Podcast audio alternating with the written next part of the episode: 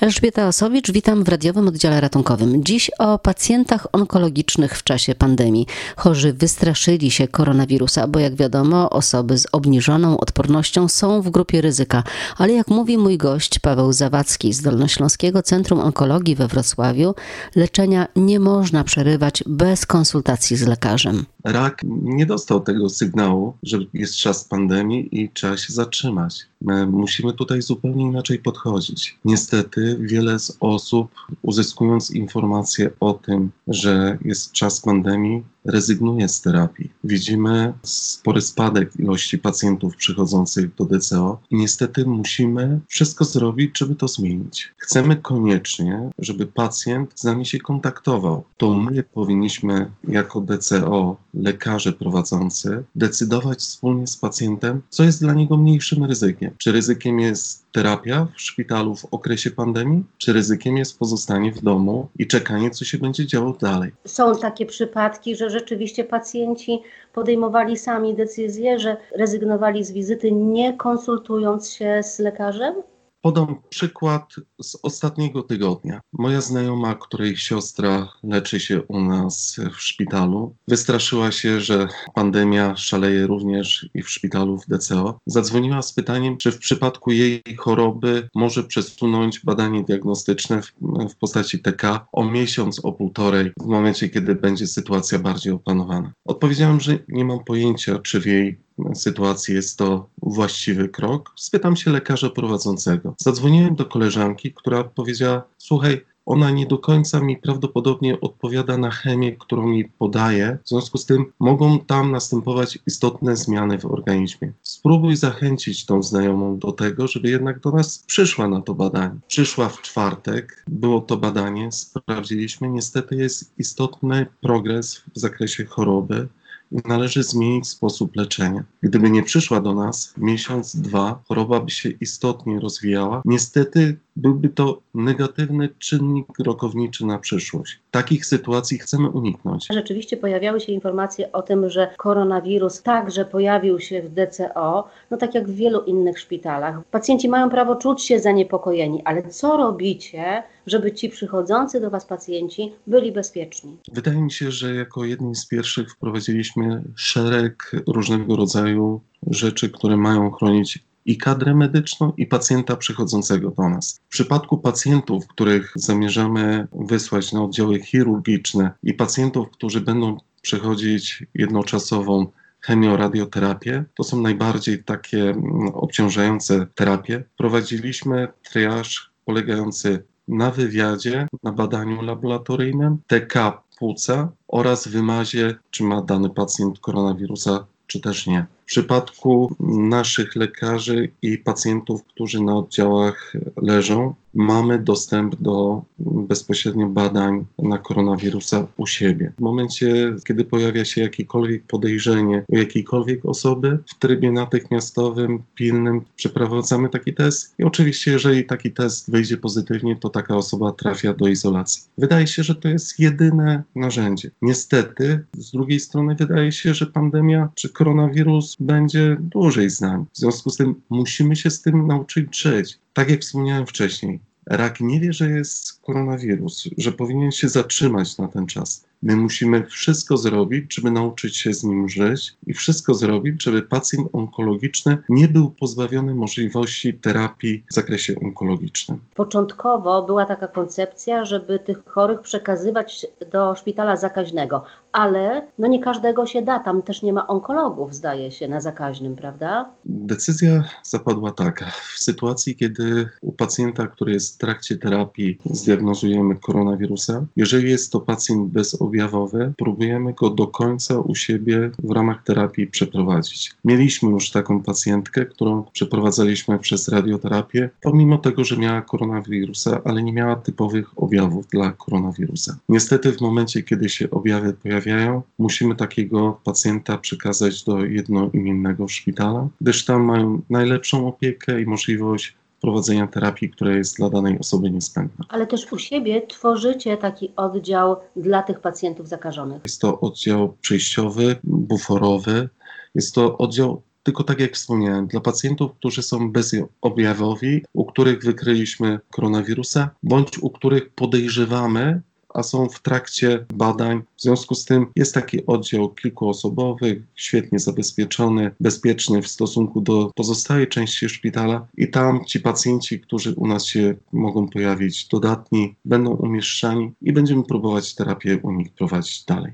Macie te wszystkie potrzebne zabezpieczenia, kosmiczne stroje. Jak wyglądają wasi lekarze na tym oddziale? Są kosmitami, ale wydaje się, że jest w tym zakresie coraz lepiej. Prowadzimy instrukcje wewnętrzne, uświadamiamy cały personel szpitala, wprowadziliśmy komunikację wewnętrzną, która mam nadzieję, że jest właściwie przez wszystkich odbierana. Staramy się uspokajać, bo tak naprawdę jednym z kluczowych elementów istotnych dla personelu to jest złagodzenie napięcia, a nie podgrzewanie tego napięcia. Oni będą czuli się bezpiecznie, jak będą mieli to wszystko, co jest niezbędne do tego, żeby być bezpiecznym. Jak będą mieli te stroje, maski, rękawice, a nie, że trzeba będzie publiczną zbiórkę robić. Jest tym coraz lepiej. Przyleciał kolejny samolot na lotnisko wrocławskie. Urząd Marszałkowski robi wszystko, co jest możliwe, żeby zapewnić nam takie środki. Wydaje mi się, że w stosunku do tego, co było jeszcze dwa tygodnie temu, jest zdecydowanie lepiej. I myślę, że sytuacja będzie się w tym zakresie poprawiać. Koronawirus może wystąpić wszędzie, także i w szpitalu. Wszystko robimy, żeby zabezpieczyć tych ludzi i żeby czuli się jak najbardziej komfortowo.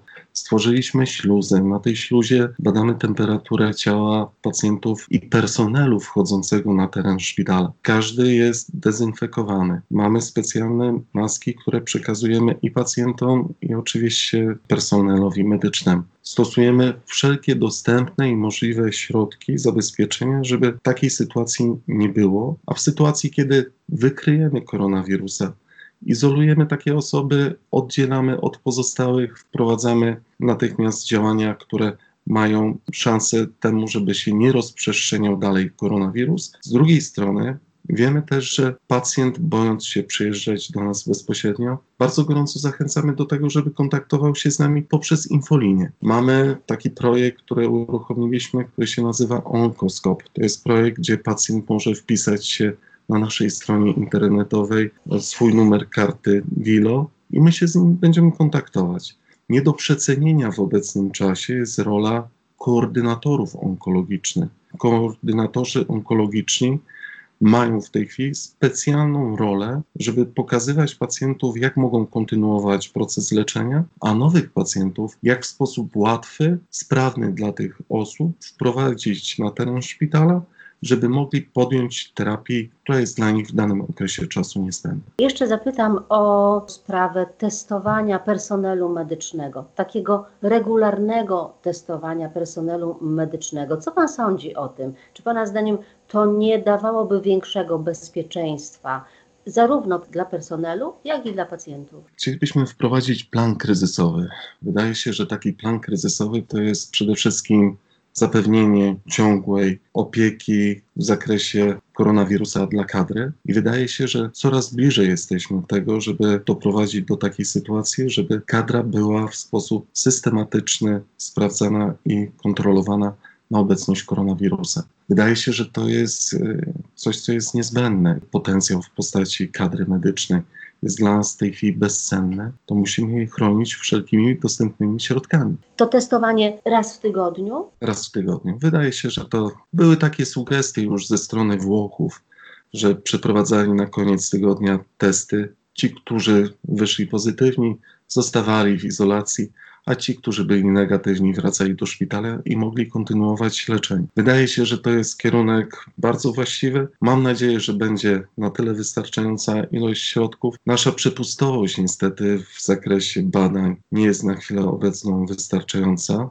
ale mam nadzieję, że jeżeli sytuacja się mm, by pogorszyła, to będziemy wszystko robić, żeby zwiększyć tą przepustowość. Będzie nasze laboratorium genetyczne funkcjonowało na dwie zmiany i będzie wykonywało zdecydowanie więcej tych testów. A co Pan myśli o tym, y, żeby sobie samemu, bo pojawia się coraz więcej ofert, propozycji prywatnych y, testów, każdy może sobie pójść, zapłacić, takie punkty już zaczynają się pojawiać. Czy to ma sens? Wydaje mi się, że że nie.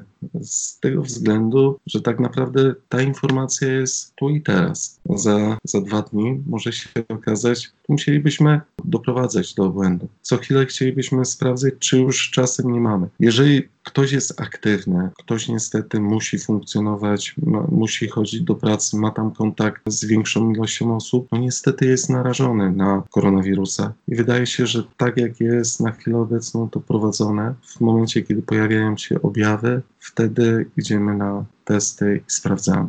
W sytuacji, kiedy nie ma tych objawów, chyba na chwilę obecną to, to nie jest właściwy kierunek. To jeszcze jedno pytanie. Na pewno w szpitalu liczycie, ile kosztuje koronawirus. Rozmawiałam z dyrektorem NFZ-u, który mówi, że na walkę z koronawirusem w szpitale dostają osobne dodatkowe pieniądze. Jak Wam ten rachunek wychodzi? Utworzyliśmy specjalne konto, które jest dedykowane dla kosztów, które są związane z koronawirusem. Na chwilę obecną to jest kilkaset tysięcy złotych, ale nie potrafimy jeszcze do końca wszystkiego oszacować. Oczywiście to jest dynamiczny proces i będziemy starać się dopiero po, po okresie pandemii tak dokładnie podejść do wyliczeń.